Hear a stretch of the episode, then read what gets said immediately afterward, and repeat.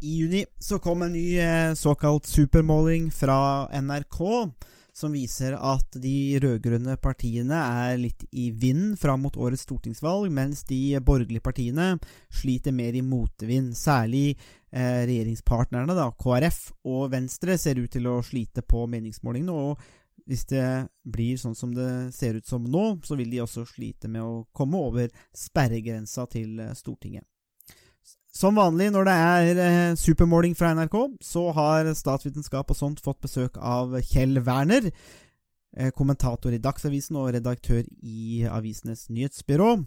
Eh, og vi diskuterer da denne målingen og uviktige saker eh, i valgkampen, eh, som egentlig starter akkurat nå.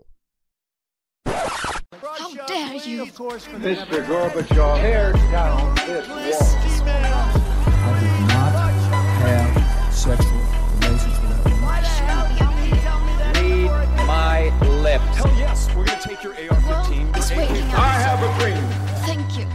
Ja, valget nærmer seg med nærmer seg meget raskt, og eh, vi har jo fått en ny såkalt eh, supermåling fra NRK. Eh, som kommer vel med a- annenhver måneds mellomrom nå, fram til eh, valget.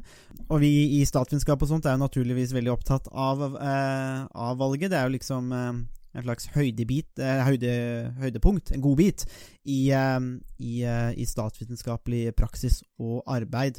Og med oss eh, til å kommentere og gi litt kontekst og forklaring til eh, denne supermålingen som kom ut nå i 2021, nei, juni 2021, men også da med en lignende undersøkelse. Vi har jo flere, eh, det er ikke bare NRK som gjennomfører disse. Så har vi fått med oss eh, Kjell eh, Werner, velkommen tilbake. Hyggelig, hyggelig. Vi er, har jo eh, utvida valgkampapparatet vårt der, og det er veldig eh, hyggelig at, eh, at eh, Kjell har mulighet til å komme tilbake og eh, eh, kommentere nettopp disse meningsmålingene. Og det som vi ser, bare helt kort, når man ser på disse meningsmålingene, for de som ikke har eh, hatt tid til å se på det, eller mulighet til å se på det, så ser vi jo at Arbeiderpartiet, i hvert fall på NRKs måling, ligger rundt 24% ganske stabilt. Eh, Senterpartiet rundt eh, 17% relativt stabilt. Høyre rundt sine 23% går litt tilbake. Frp rundt 10% litt tilbake. Men kanskje òg noen av sentrumspartiene, KrF, Venstre, MDG, ser ut til å slite, og særlig her kanskje KrF og Venstre, mens SV har krabba seg opp på 7,8% og Rødt over 4 Det er jo sånn kort eh, bilde her, og bildet er kanskje også at eh, regjeringskonstellasjonen ser ut til å eh, slite litt i motvind eh, akkurat for tiden. Men eh, Kjell, din, eh, din vurdering av når du ser det overordna resultatet, og da kanskje også sammenligna med den forrige målingen vi fikk, da. Ja, og vi har da også en måling som Opinion har gjort for eh, Fri fagbevegelse, Dagsavisen og oss i ANB. eh, som viser omtrent det samme som NRKs måling, så her er vi si, ganske på, på linje. Mm. Eh, og tallene er som du eh, nettopp har, har nevnt. Eh, Arbeiderpartiet er, er størst, og med Høyre hakk i, hæl, og Senterpartiet på tredjeplass. Men det er eh, og blir Trygve Slagsvold Vedum som er kongen på, på haugen på disse målingene for, for juni. Senterpartiet hadde jo nettopp landsmøte og fikk litt eh, ekstra eh, omtale i den forbindelse. Det, det sier seg jo litt uh, sjøl. Senterpartiet datt litt ned i forrige måned, men har nå krabba seg opp igjen. Eh, og på vår så går de fram med 2,4 prosentpoeng og får 18,7. Og så har vi jo da dette med, med eh, Arbeiderpartiet går litt tilbake, men, men de er fortsatt største parti. Og Ser vi trenden fra jul og fram til nå, som kanskje er det interessante, istedenfor på en måte å henge seg opp i, i, små endringer måned fra måned, så trenden fra jul og fram til nå den viser at Erna Solberg hun butter, mens eh, Ap-leder Jonas Gahr Støre er litt i siget. Eh, Høyre har riktignok økt litt eh, svakt de to siste månedene, men partiet ligger fortsatt en god del lavere enn toppnoteringa på 26,9 i, i januar. Og så har vi også det bildet at eh, ved årsskiftet så lå Senterpartiet og Arbeiderpartiet ganske så likt, på, på rundt 20% Det er ikke lenger tilfellet. Eh, Og Trygve Slagsvold Vedum kan ikke akkurat eh, si, brøske seg så mye som, som han gjorde ved, ved nyttårstider.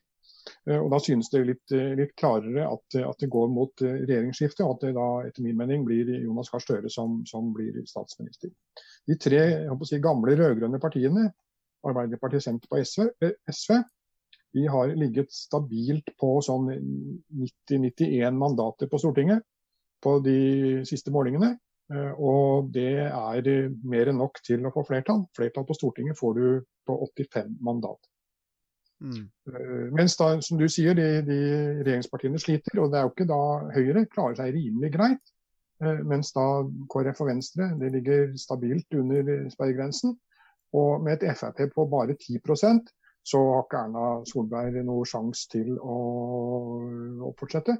Hun må ha Frp oppe på kanskje på 15-16, eller i hvert fall 14-15-16. Eh, Mm. Og begge de to småpartiene må over sperregrensa. Hvis ikke så, så nytter ikke det.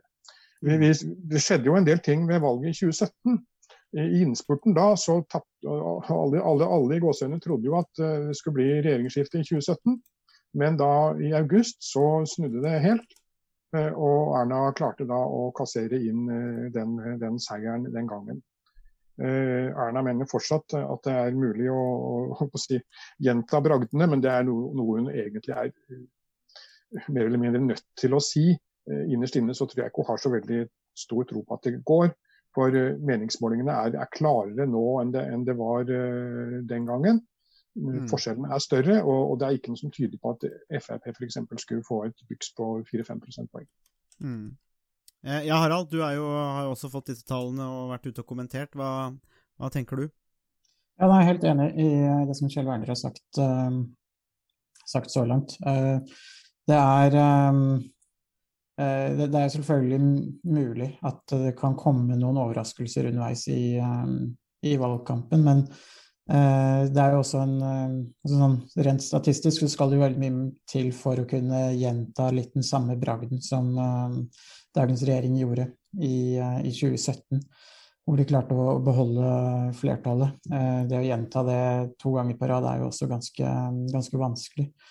Eh, Det er klart, det kan jo hende at eh, dagens regjering får en liten boost eh, dersom det går greit med koronalettelser og vaksinering og sånne ting, så kan det kanskje at de, være at de, de klarer å hente igjen noe. Men uansett så er det jo eh, veldig store forskjeller mellom, eh, mellom blokkene nå, så det skal veldig mye til for å, for å kunne hente igjen eh, noe av det som, eh, det som de eh, der, der det ligger etter. Og det er veldig spennende med Det er kanskje noe vi kan diskutere litt mer etter hvert i dagens episode også. Det, det som er litt spennende med situasjonen nå, er jo at dersom KrF og, og Venstre går ut av, eller kommer under sperregrensa, får kanskje bare et par eh, mandater hver.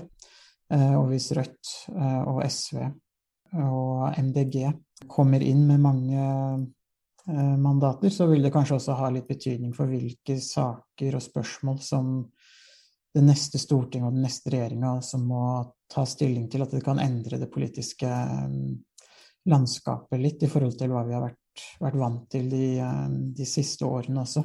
Vi kan se en litt dreining mot, eh, mot noen andre eh, problemstillinger, noen andre konfliktlinjer, andre politiske spørsmål enn det vi det som har vært fokus de, de siste, i hvert fall de to siste stortingsperiodene. Mm. Jeg syns jo at det er interessant det du som, som, som Kjell er inne på, dette at, at dere har jo fått gjennomført en, altså en, en annen meningsmåling, men når de likevel ser ut til å være ganske samstemte, så danner jo det et ganske Det danner jo et mer robust bilde, da, for å uttale, ut, for å uttale oss om trendene her, eh, og hvordan det ser ut til å gå.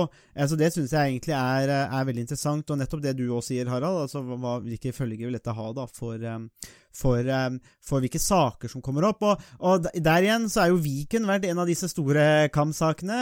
Senterpartiet setter score på det, kanskje, at man vil reversere Viken. Men ettersom vi også er i Viken, alle tre her, vi sitter jo da digitalt. Men, eh, og dere to er vel i, i Østfold, eh, gamle Østfold. Jeg sitter jo i, eh, i Nordre Viken, om vi kan kalle det, i Buskerud.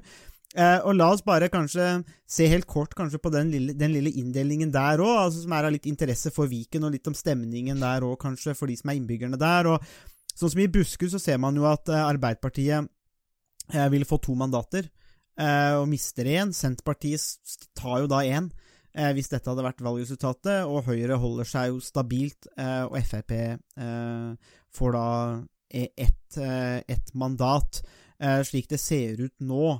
Eh, Så Senterpartiet ser ut til å gjøre det bedre i Buskerud, og i hvert fall i områdene hvor jeg holder til nå, så er det jo også en, en, en ganske sånn solid vind for nettopp på dette med å oppløse Viken, at man ikke ser noe nytte av dette, og at dette ser ut til å være en sak som resonnerer eh, blant eh, folk. Men eh, der dere er òg, Østfold. Eh, Harald, du har jo fått sett litt mer spesifikt på de tingene der. Hva som er interessant å merke seg i Østfold?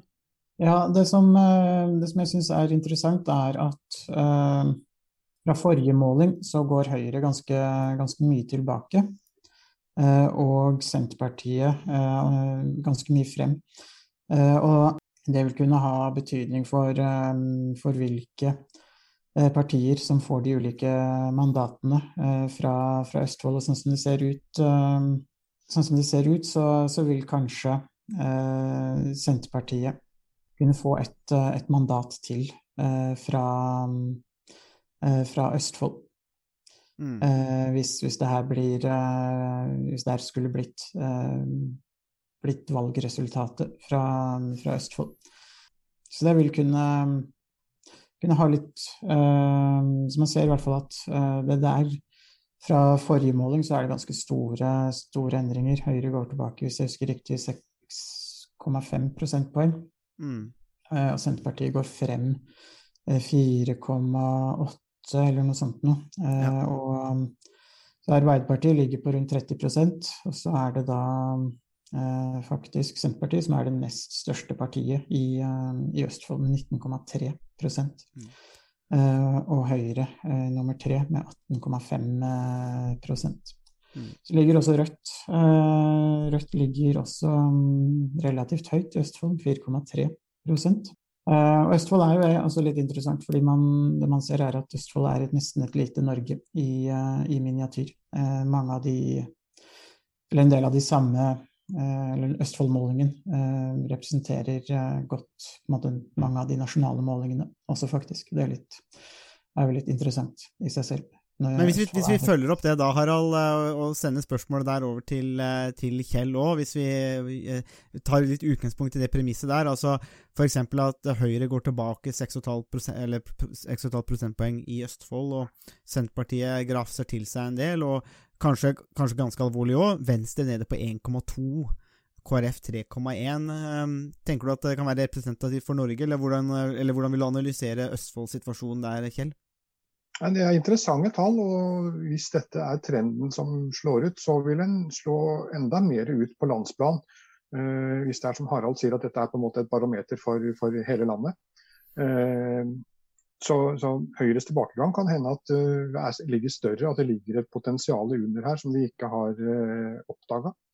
Men det er jo da sammensetningen av Stortinget på mandatnivå som blir interessant.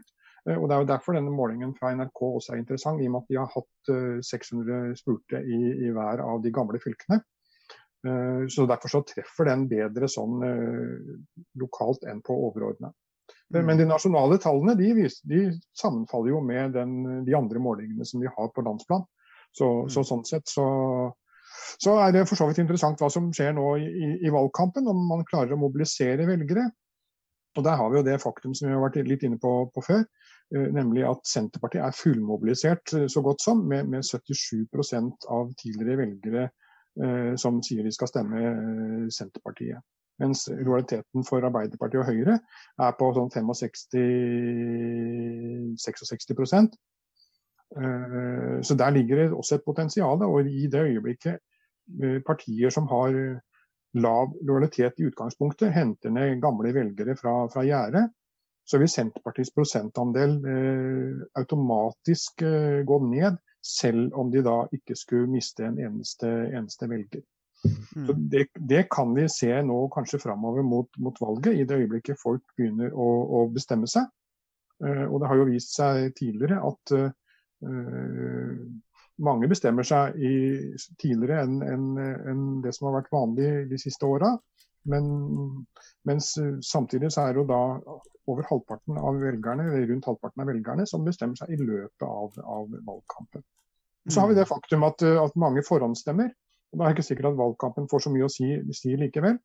Men det er liksom fra nå og fram at vi vil se endringer i, i oppslutningen på at folk henter ned velgere fra, fra, fra gjerdet. Og det som har lavest lojalitet, det er Venstre, med bare 30% av gamle velgere. Så når de da i tillegg har en, en lav prosent, så, så, skal de slite for å, for å, komme seg opp. Det samme med Frp. De har overraskende lav lojalitet eh, sammenligna med da, eh, hva som har vært vanlig i, si, i, i, gamle dager. og Det gjelder også delvis for Kristelig Folkeparti, eh, som vi alltid før regna som har et veldig solid grunnfjell, men selv grunnfjellet der begynner å, å, å svikte. Kanskje det forsvinner velgere til disse andre partiene på, som regner seg som kristne, for å si det sånn. Men, men, men venstre, venstre, Kjell, altså eh, det er, det er, jo alltid interessant med partier som ligger rundt sperregrensa og sånne type ting, men Venstre er jo, er jo, det partiet det er. Det er jo et parti med lang historie i norsk politikk. Eh, og hvis vi bare tar, det, bare tar det helt kort fra dere to nå, kan starte med Kjell og så Harald. Hva, hva er Venstres problem? Altså, du, du, nevner jo dette med lav lojalitet, men, men hva, de har vært i regjering. De eh, har jo kanskje fått mer posisjoner enn det de nesten de skulle tilsi ut fra meningsmålinger, oppslutning og medlemstall. Så, men hva er, hva er, det som er Venstres problem nå, og hva er det de eventuelt kan gjøre for å endre dette? Altså, Dette gamle ordet vinglevenstre, det, det henger jo med. Eh, fordi Venstre har jo da vært litt usikre på hvem de skal samarbeide med i regjering. Eh, de var veldig klar på at de skulle holde Frp unna makta. Eh, og så endte det da med at Erna Solberg danna regjering sammen med Frp, og hadde da Venstre og da for det også for så vidt da KrF som støttehjul. Så gikk Venstre inn i regjering, selv om de hadde lovt velgerne at de ikke skulle gå i regjering med Frp. Det er nok mange velgere som er skuffa over, over det. Eh, samtidig så, så har jo sikkert så, så, så, Venstre er delt på mange måter, sånn Venstres velgere. Og de er blitt mye mer urbane etter hvert. Og de er jo nå, har jo nå sagt ja til EU. Eh, så der har de jo også si, flertallet i folket mot seg. Og vi husker jo da Venstre sprakk på landsmøtet på Røros i 1972, eh, akkurat på, på, på EU-saken. Eh, så hvor mye det er å hente for, for Venstre på, på, å være ja til EU De henter nok en del velgere i Akershus og Bærum, Oslo. Eh, men det hjelper ikke når de da skal ha I gamle dager så sto Venstre sterkt på, på landsbygda. Det gjør de ikke lenger. De har noen eh, gode kommuner på, på Vestlandet, men, men, utover det så, så, så svikter det sånn sett. Og så har de da dette med miljøsaken som, som drar ene veien. Og Venstre var i gamle dager et mer sånn læreparti, typisk læreparti. Der har de heller ikke klart å, å gjøre seg gjeldende. Og Guri Melby har gjort en rimelig bra figur, men det er tydeligvis ikke nok. Mm. Harald? Ja, nei, jeg tenker nok at uh, i tillegg til det, det Kjell Werner har vært, uh, vært, inne på, så er jeg vel jeg er litt usikker på hvor mye uttelling de har fått av å sitte i regjering uh, også. Eh, det er jo ofte et utstillingsvindu, eh, selv om man ikke nødvendigvis alltid får gjennomslag i alt man skulle ønske som regjeringsparti, så, fall, eh, så er det i hvert fall en mulighet til å presentere kandidater og visjoner og politikken man, man ønsker å, å, gjennomføre. Men jeg ikke jeg, jeg vel jeg tror kanskje det også har vært noen saker hvor, hvor noen av eh, statsrådene også har fått litt motbør. Eh, Guri Melby fikk jo veldig mye kritikk for hvordan hun håndterte den saken om eh, endringer i skolefag i, i, videregående f.eks. Det, det ble jo og det, altså, Kjell var jo inne på det at Venstre har tradisjonelt vært et lærerparti. Og der fikk de jo nesten hele Skole-Norge mot seg i, i, den saken. Eh, så det har kanskje ikke fått den uttellingen av å sitte i regjering som man, man, eh, man kanskje kunne, kunne forvente mm. også. Så, det kan være litt det kan også være litt personavhengig, at rett og slett de politikerne de, de har akkurat nå, ikke har eh, klart å være tydelige nok profiler eller å sette dagsorden på samme måte som eh, kanskje eh, andre politikere eh, har klart også. At de, de kommer litt i, eh, i skyggen, eh, rett og slett, noen ganger. Jeg, jeg vet ikke, altså, jeg tror det er vanskelig å finne helt sånn en uh, forklare nøyaktig uh, hva, hva, som er årsaken til at Venstre gjør det såpass, uh, såpass dårlig som det de ligger an til å gjøre på meningsmålingene. Men det er sikkert det er som alltid sammen, litt sammensatt. Men det kan også være at de rett og slett ikke har politikere som, som klarer å sette dagsorden eller å appellere bredt nok.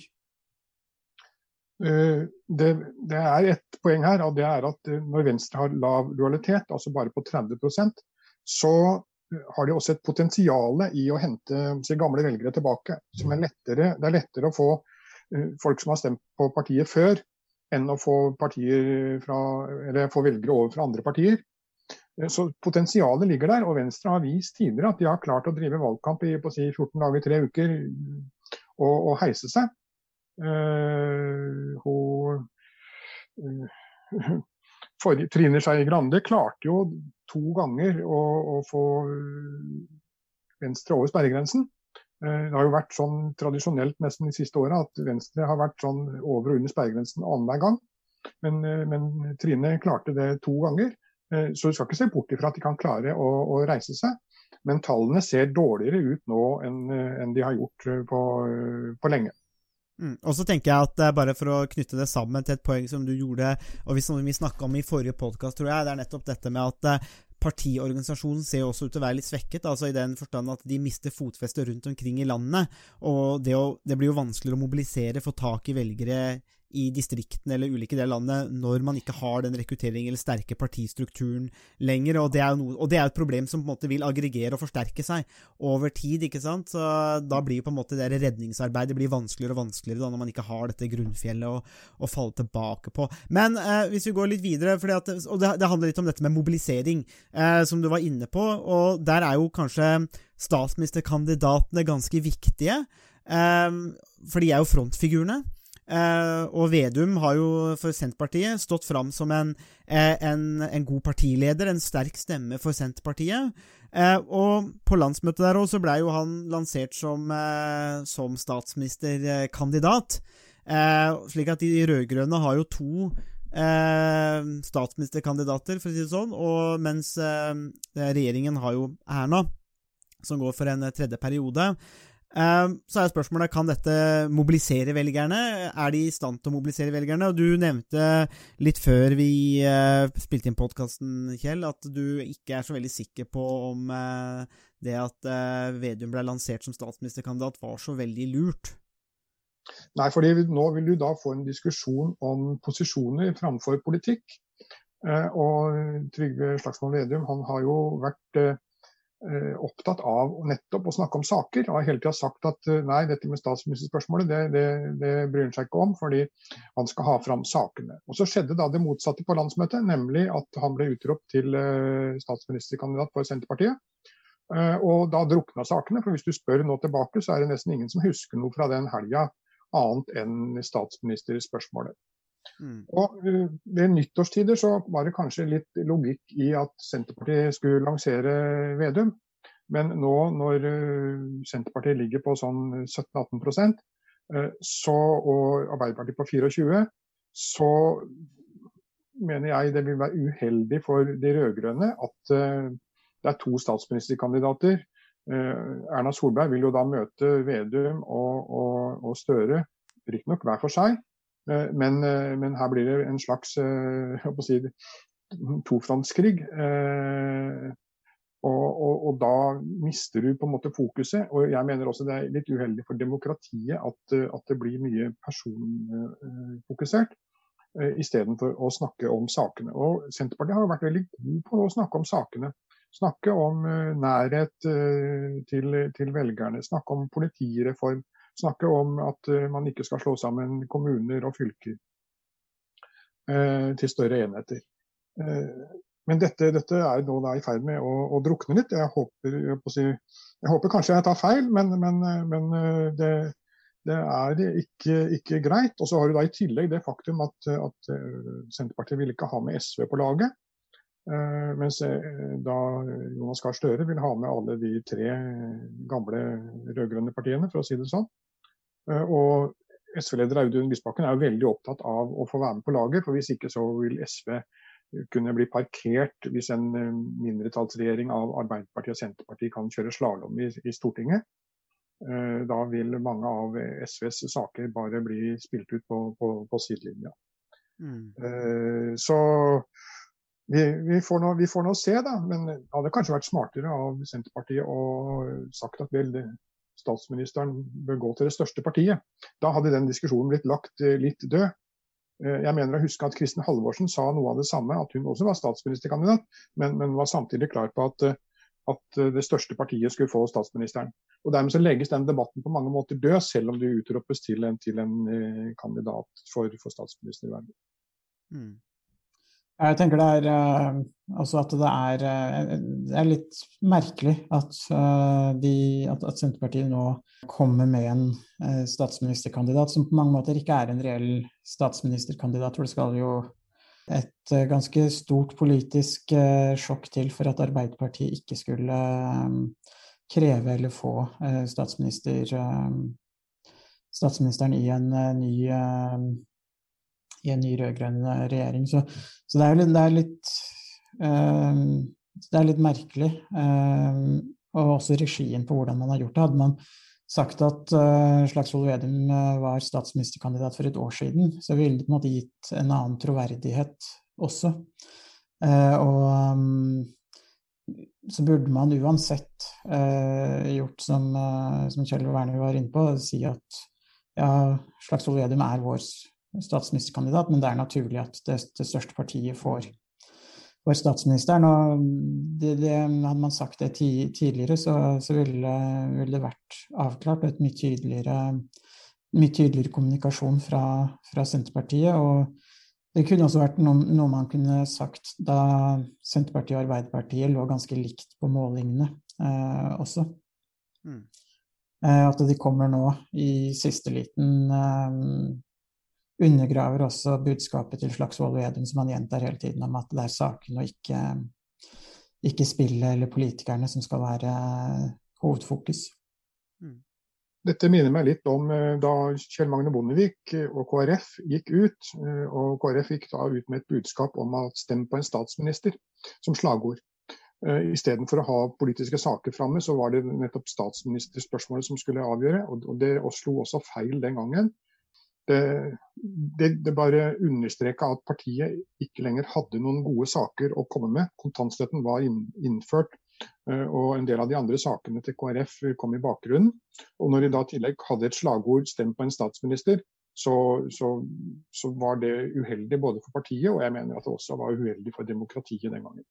Hmm. Ja, kanskje kan det være Eh, kanskje det er et uh, lite hybris å spore hos Senterpartiet. Kanskje de er, nå, vil, nå vil de ha alt. Uh, nå som de seiler i en solid uh, motvind. Vi får se. Det kan jo være et, uh, et feilsteg der. Men det er noe man, Samtidig som man kan jo skjønne at et parti vil ha en statsministerkandidat. Det er, jo, det er jo på en måte helt naturlig når man er blant de største partiene, i hvert fall på meningsmålinger. Men som dere er inne på, det er jo spørs litt på timingen her, da. som kanskje er litt å, å, diskutere. Men bare for å vri det over på den andre siden. Erna Solberg, altså sitte i åtte år. det er jo, det er jo rekord Eh, det er en solid av en høyere statsminister. Åtte år sammenhengende. Hva er potensialet her til Høyre? Altså Høyre gjør det jo stabilt bra, det er jo partneren i regjeringen som er det som kanskje er det som feller dem. Men Erna Solberg, regjeringen, hva tenker vi om mobiliseringspotensialet der? Eh, for regjeringen, men også tenk på Erna Solberg. Vi snakker om Vedum og Støre, men også, men også Erna. Hva tenker du der, Kjell? Altså, hvilken kraft har Erna der? Altså, jeg tror ikke Erna har så stor kraft på å gjøre det noe særlig bedre enn meningsmålingene viser nå. Uh, hun har gjort en god jobb under pandemien så langt. Uh, nå blir noen vaksiner litt forsinka, og spørs om det slår tilbake på henne eller ikke. Uh, men alt i alt så, så, vil jo veldig mange si at hun har styrt skuta veldig godt. og, og vist en trygghet som, som helt sikkert kommer til å bli brukt av Høyre i, i, i valgkampen. At du, du, måtte, du, vet hva du har, og vet kanskje ikke fullt så mye hva du, hva du får. Det kommer helt sikkert til å være budskapet til, til Høyre. Og partiet kommer sikkert til å gjøre det rimelig bra, og, og kan jo da bygge seg opp i opposi, opposisjon fram til valget om, om, om fire år igjen som da blir en, en, en ny korsvei for, for, Høyre, og da mest sannsynlig med en, en ny leder også. Lederdebatten har så vidt begynt i, i kulissene. og mange, de har, Høyre har vært flinke til å få fram mange si, gode kandidater til å aspirere som, og, bli ny leder etter Erna i den, når hun da omsider må innse at hun, hun trekker seg. Det er ikke noe krav i Høyre om at hun må trekke seg nå, men etter valget så vil nok få en diskusjon. Eh, og der er det flere unge kandidater, eh, enten det er Tina Bru eller det er eh, Henrik Asheim eller det er Ja, det er flere som kan nevnes. Mm. Det er jo også interessant at selv om Erna Solberg gjør det jevnt over veldig godt på de statsministermålingene som blir publisert, så, så bruker ikke Høyre på en måte Erna Solberg som det eneste, eller på en måte trekke frem henne som en god grunn i seg selv til å stemme på, på Høyre. Eh, det er mer noe de altså det, er den, det er mer noe som kommer litt i, i bakgrunnen, hvor de heller presenterer eh, sakene eh, og de store politiske spørsmålene som de ønsker å løfte frem. Og det er også litt interessant å legge merke til i forhold til hvordan statsministerspørsmålet har eh, blitt et tema i Senterpartiet og mellom Arbeiderpartiet og Senterpartiet, som vi var litt inne på innledningsvis, at det kanskje ikke har slått så veldig heldig ut eh, for, eh, for Senterpartiet så langt, og heller kanskje ikke har gjort det historisk når man ser på partier som har brukt, brukt, det kortet i tidligere valgkamper. Så det kan hende at det, det er strategisk lurt av Høyre å og rett og slett ikke på en måte kjøre frem det, det kortet så, så, mye, og det har du heller ikke gjort. Eh, det kan jo hende, jeg, jeg tror også som Kjell, Kjell Arne var inne på, potensialet til Høyre er nok det er, har nok henta ut ganske mye. Det ligger på et, et forholdsvis, eh, forholdsvis, høyt nivå hvis de gjør en god valgkamp. Eh, så kan det hende at de klarer å løfte seg noe, men det vil kanskje være snakk om noen få eh, prosentpoeng i, eh, i, beste fall. At de kanskje kan komme eh, ja, et bitte lite stykke opp på, på 20-tallet eh, i, eh, i, beste fall, hvis de, eh, hvis de, gjør en god valgkamp. Men, det, så de, nok, de, de, vil nok ende opp på det nivået som de ligger nå, kanskje pluss-minus 2-3-4 prosent maks i forhold til det meningsmålingene ligger på, på nå. Mm. Vi har jo snakka litt om eh, Vi nevnte det litt før sending her. Eh, litt disse, men, men, og du er litt inne på der, Harald, også disse sakene. Vi, altså, vi, en, vi har jo hatt noen store saker her. Eh, det vil jo kanskje komme store saker òg. Det har jo vært f.eks. En, en, en rusreform som har vært litt splittende for partier, som også skal ut og samarbeide. Uh, og vi har en, en, del sånne tunge saker. Uh, du nevnte jo litt i stad, uh, eller når vi snakka sammen før vi lagde podkasten, Kjell, dette med Nasjonal transportplan òg. Det er jo et lite sånn skjellsord her oppe i Hallingdal. for vi har jo blitt lova Ringeriksbanen i ja, gud veit hvor lenge. men det er jo ingen som ser noe til den. så det, vi er vel pensjonister før den før, det, før, neste, før neste komité er satt ned, som skal planlegge eh, på en sånn 20 millioners basis, kanskje, og planlegge Ringeriksbanen igjen.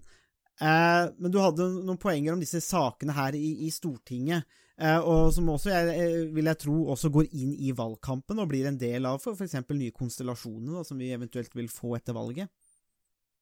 Ja, og når du nevner Nasjonal transportplan, så er det en plan som da etter min mening nå er, egentlig er lite verdt.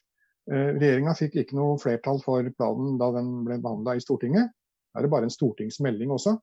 Eh, men de fikk ikke flertall mot seg. Og dermed så, så er ikke det noe si, farlig for regjeringa. Da er det for så vidt eh, regjeringens plan som ligger på, der, på bordet på papiret. Mm. Frp ville ha full fart og mye mer til vei, og ja, noe til bane, men mest til vei. Eh, og har lovt jo da 400 milliarder mer enn de 1200 milliardene som ligger inne i planen. Eh, men det interessante her er at eh, politikerne over tid har lova mer enn de har klart å holde. Og da Kjetil Solvik-Olsen var, var samferdselsminister, så, så la man opp til en ambisiøs plan som, som i, i 2017 som ikke da man klarte å innfri. Regjeringa har riktignok eh, dobla investeringene til samferdsel eh, i løpet av perioden. Men eh, det var altfor mange overbud som lå inne i planen fra 2017. Dermed så blir velgerne skuffa, og, og det, blir, det, skapes falske forventninger rundt omkring i landet. Opp, sånn som du sier, oppe hos deg. Og det skaper forventninger i Østfold om at vi skulle få jernbane helt til Halden. Eh, det er det ingen som har penger til, selv om det da brukes eh, mer penger på, på både vei og bane enn, enn noen gang. Så, så, har man her klart å skape falske forventninger. Eh, og det er etter min mening uh, usunt. For det skaper økt politikerforakt. Uh, hvor, hvor, da velgere flest sier ja, men de lover jo bare og lover og klarer ikke å holde.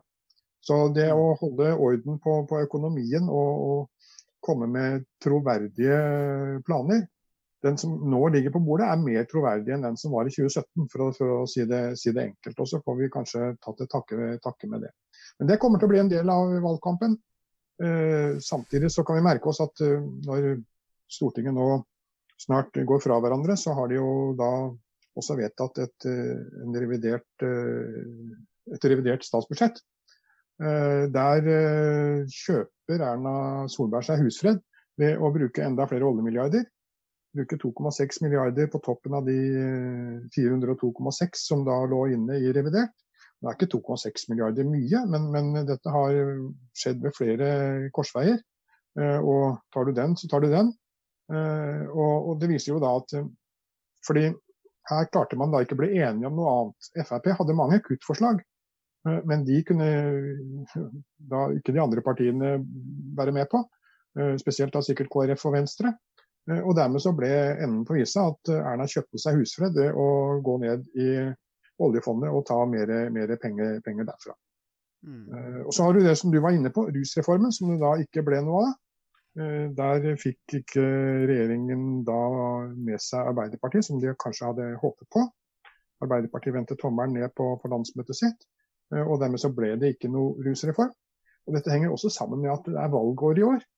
Og da tør man ikke på en måte å utfordre velgerne.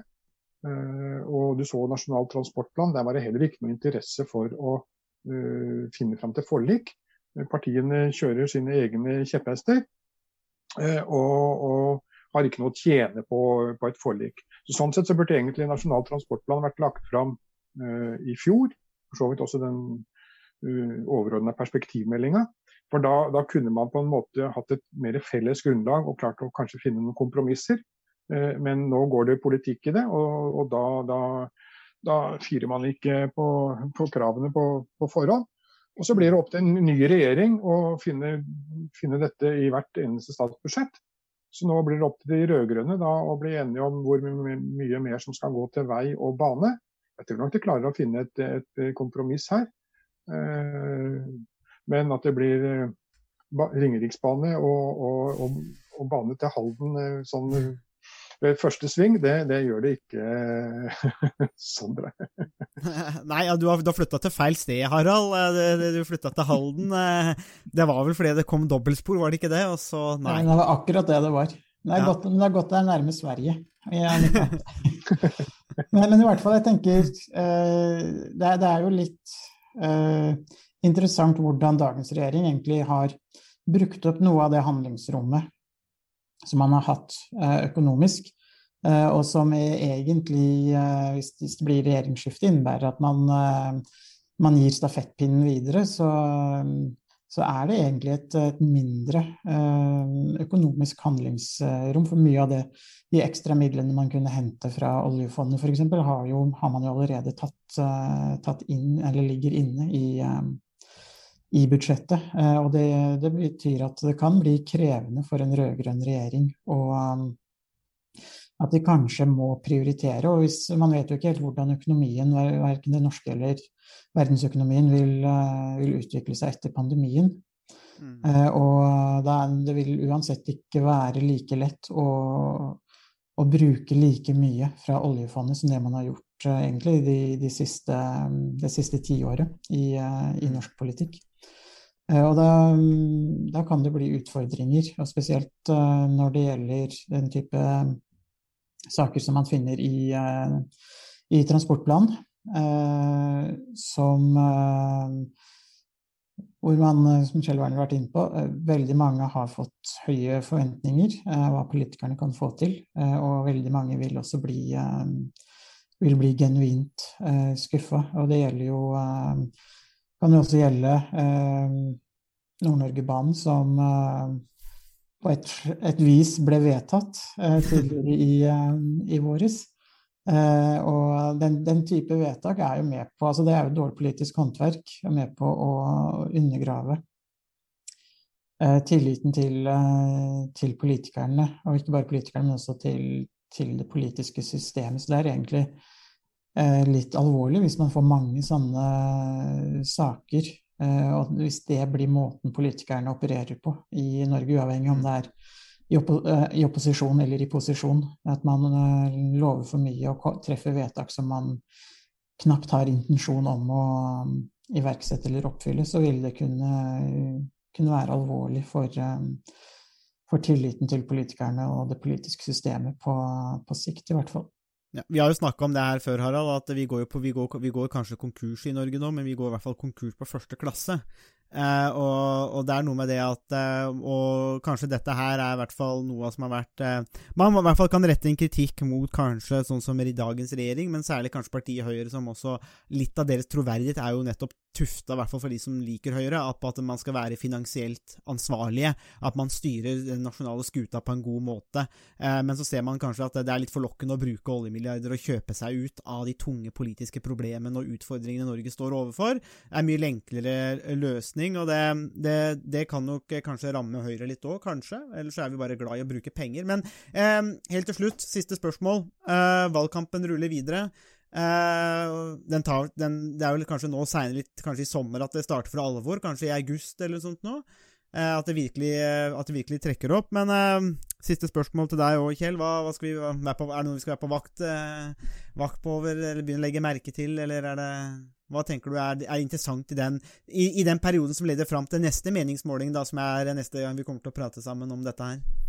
Nei, altså Valgkampen vil jo følge tradisjonelle spor. Det vil sikkert bli en valgkamp om, om skatt, om, om, konkrete løfter innenfor både vei og bane. og noe vi ikke har vært inne på. Forsvaret. Der ligger det også en eh, si, langtidsplan uh, inne.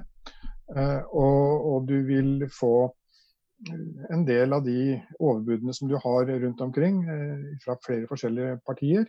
Vi ser jo nå at Trygve Slagsvold Vedum har vært i Nord-Norge og kommet med lang liste over hva som skal gjøres der. Det skal bli billigere å fly på, på Widerøes kortbanenett, f.eks. Positiv tanke, det. Uh, men det, det, finnes ingen, ingen fri lunsj. Eh, noen må betale, og du skal ikke se bort ifra at dette å få satt to streker under svaret kanskje blir opp til Trygve Slagsvold Vedum sjøl, når han eh, da kanskje blir finansminister. Så, så da, da, kommer hverdagen til å ta, ta ham som, som, mange andre. Mm. Eh, ellers så vil du få nok en mer debatt om, om miljø og klima denne gangen pga. rapporten fra Det internasjonale energibyrået som sier at vi har si, funnet den olja vi trenger. Eh, og flere partier vil jo si at nå er det på tide å, å, å stoppe, stoppe skru igjen oljekranene eh, på norsk sokkel. Eh, mens du da har de store partiene som da fortsatt sier at vi skal, skal leite og vi skal eh, gjøre olja og gassen renest mulig i, i produksjonsfasen. Eh, og satse på dette som heter ja, karbonfangst og -lagring for å, for å få ned CO2-utslippene. Så vil du få en debatt om, om, om eh, elektrifisering av, av eh, sokkelen, eh, som Frp nå er imot, mens de da var for når de satt i regjering. Så her, her, her, her svinger det. Mm. Harald, siste ord. Ja, nei, jeg tror, jeg tror også det er interessant eh, å se på at eh, det er egentlig ikke så veldig mange saker som eh, velgerne er opptatt av, som er noen av kjernesakene, de tradisjonelle kjernesakene til Frp.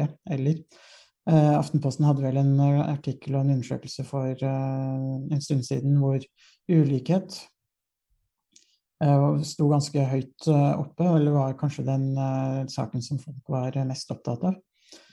Eh, og det mm, I tillegg så, så er innvandring eh, og en del av de tradisjonelle Frp-spørsmålene ganske langt ned på agendaen. Så det tyder kanskje på at vi kan få en litt annen valgkamp enn det vi eh, har sett eh, ved noen av de, de siste, siste valgene. At det blir en, en dreining mot andre spørsmål. Og valgkampen handler jo om å overbevise velgerne, men det er også en god arena for å sette litt dagsorden og flytte eh, opinionen og flytte den offentlige debatten eh, i, eh, i, noen spørsmål. Så det kan hende at det, den valgkampen vi står foran nå, vil være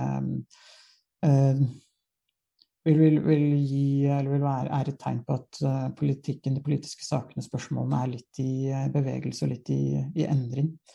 At vi kanskje vil, uh, vil, få et litt annet politisk landskap til, til, høsten og med det nye Stortinget, uavhengig av, egentlig uavhengig av om det blir regjeringsskifte eller ikke. Men at det er noen saker som vil komme høyere opp, og noen saker som vil forsvinne litt i i den offentlige debatten og politiske debatten også i Og det vil jo også til syvende og sist påvirke hvilke saker Stortinget tar stilling til, og hvilke saker og vedtak Stortinget til syvende og sist fatter.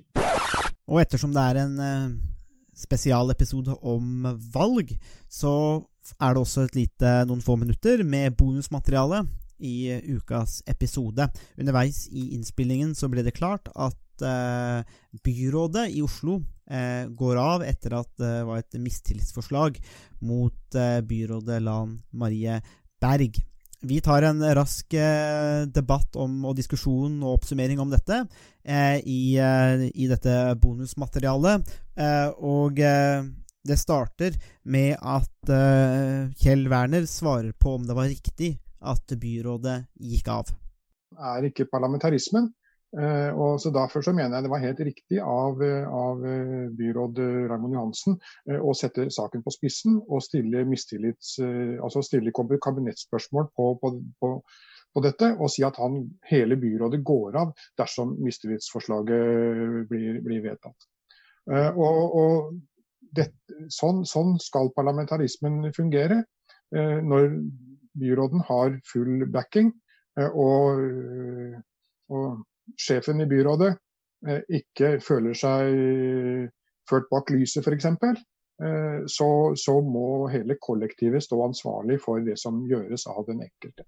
Eh, sånn er det på Stortinget, og sånn må det være i de byene hvor det er parlamentarisme. Men det blir veldig spennende å se nå hva som blir enden på visa. Raymond Johansen sier han ønsker å danne et nytt byråd utgått fra Arbeiderpartiet. Om det betyr et eh, rent eh, Ap-byråd, eh, eller hva det betyr, det får vi nå ta, med, ta i neste runde. Men dette er i hvert fall en spesiell situasjon. De partiene som, som gikk inn for mistillit her, de måtte vite at dette også var en kalkulert utgang på å stille mistillit. Mm.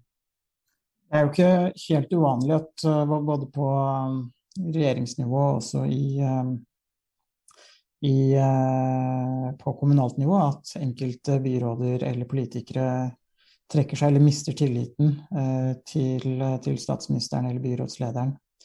Så det har jo, det har jo vært eksempler på, på det mange ganger, i og for seg. Men da har det ofte vært veldig tydelig eller veldig klart at den statsråden eller den politikeren det gjelder, eh, har gjort noe som har vært ganske tydelig feil, eller at man har eh, undergravd den posisjonen eh, som, eh, som, man har hatt, eller utelatt informasjonen man har redegjort, enten for, eh, for, regjeringen eller andre.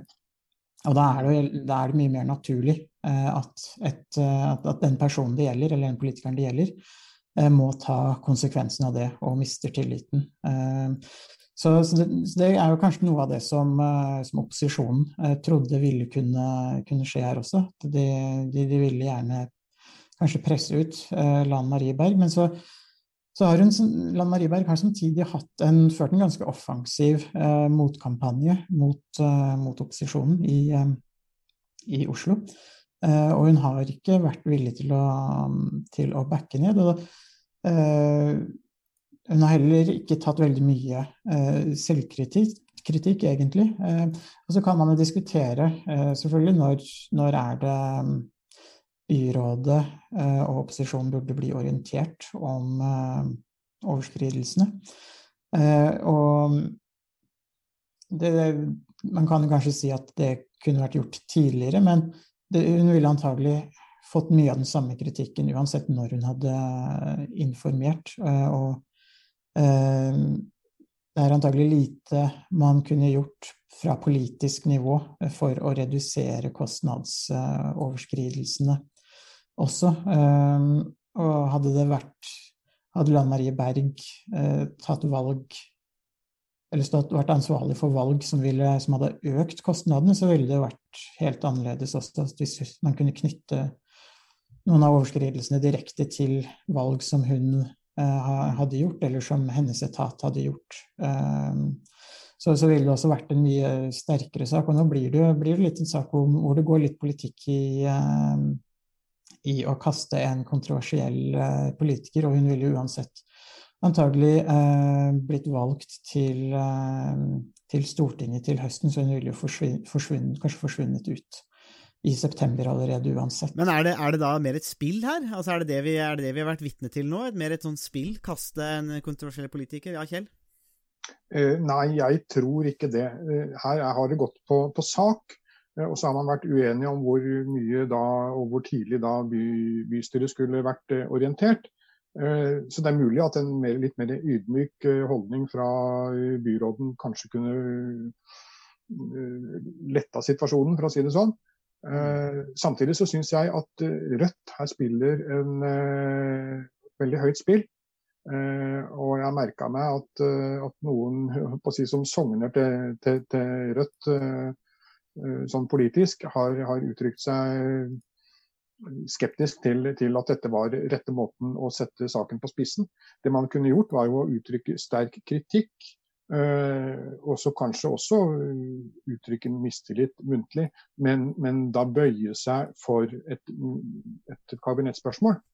Uh, det, er så, det, er jo sånn det ofte skjer i Stortinget. er at, altså, Bare for å ta et eksempel til Stortinget. altså Kjell Magne Bondevik gikk av på gasskraftverksaken i år 2000, da Høyre og Arbeiderpartiet eh, si, pressa fram det spørsmålet. Der stilte eh, Bondevik kabinettspørsmål, eh, og falt på det.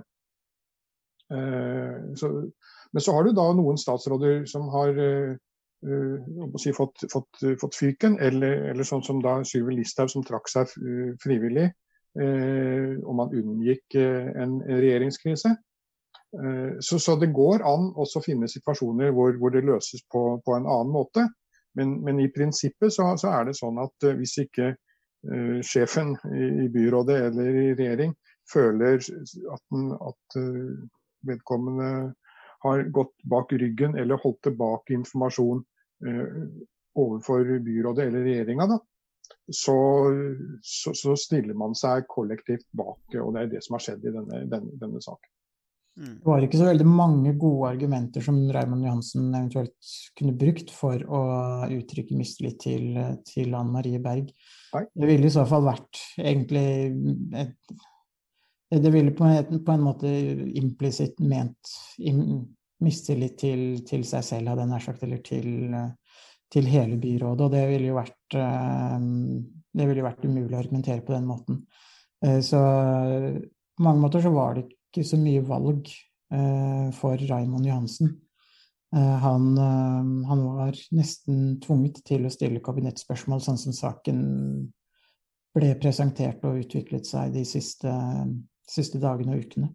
Mm. Men um, får du noe Jeg vet ikke, altså Ja, det var det, det, dette var det som kom fram, i hvert fall fra da jeg hørte på Jeg satt i bilen i stad og hørte på pressekonferansen til Ramon Johansen, og det var helt klart at det var, det, det var dette som var argumentet nå. Det var jo godt redegjort for òg på, på, mange måter, og da var jo resultatet gitt, egentlig, og virka naturlig for, eh, for byråden å, styre der. Men eh, hva tenker dere? Eh, vi kan jo kanskje avslutte med det der. Altså, får det noen påvirkning, eller hvilken slags påvirkning kan det få for valget i, i Oslo?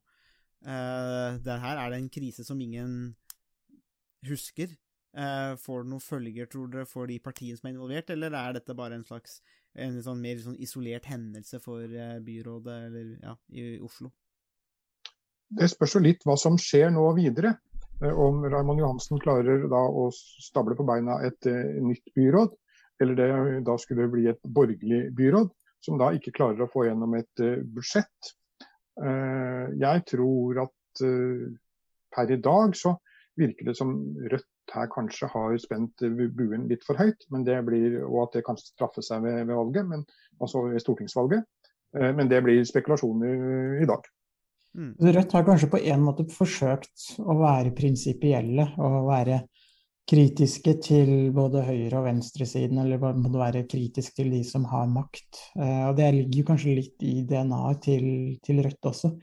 Men samtidig så, så, kan man jo bli litt for prinsipiell, og man kan bli litt firkanta. Og det er ikke alltid eh, man kan, eh, kan, la prinsippene gå, gå aller først. Eh, så det kan hende at eh, Jeg tror nok, som, som Kjell Werner var inne på, at Rødt kan nok ha overspilt uh, litt i den, uh, i den, situasjonen der. Bjørnar Moxnes var jo ute i går og sa at nei, det er ikke Rødt som, som feller uh, byrådet.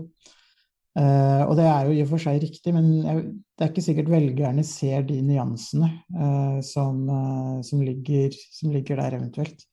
Mm. I hvert fall ikke den jevne, jevne velger, som kanskje ikke er vil, vil, lese og høre på alle de uh, intervjuene og, og sakene som, uh, som, kommer om, uh, om, det spørsmålet her. Og så er det, litt, det blir spennende å se hva slags byråd Raymond Johansen vil etablere igjen også. Og hvis, det, hvis, man klarer å etablere et nytt, et ganske sterkt, slagkraftig byråd, så er det ikke sikkert det vil slå negativt ut for dagens, eller for, for de rød-grønne partiene i Oslo. Men hvis, de, hvis det tar tid, og det blir eh, kamp om posisjoner og, og lignende, så vil det kanskje kunne svekke eh, rødgrønne, det rød-grønne flertallet i eh, Eller at det vil framstå som noe svekket, selv om de har flertall i, i Oslo.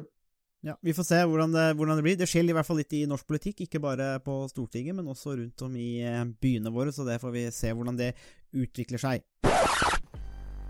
Det var det vi hadde å by på i denne ukas episode av Statsvitenskap og sånt. Musikken er komponert av Robin Horvath, og Thomas Colato står for miksing og redigering. Du finner oss på Facebook, bare søk på Statsvitenskap og sånt. Der kan dere komme i kontakt med oss hvis dere har spørsmål eller kommentarer. Der finner du også aktuelle artikler, videoer med mer. Vi setter pris på om dere liker sida, og deler den med andre som dere tenker vil ha glede av å høre på podkasten. Vi høres. change is coming whether you like it or not.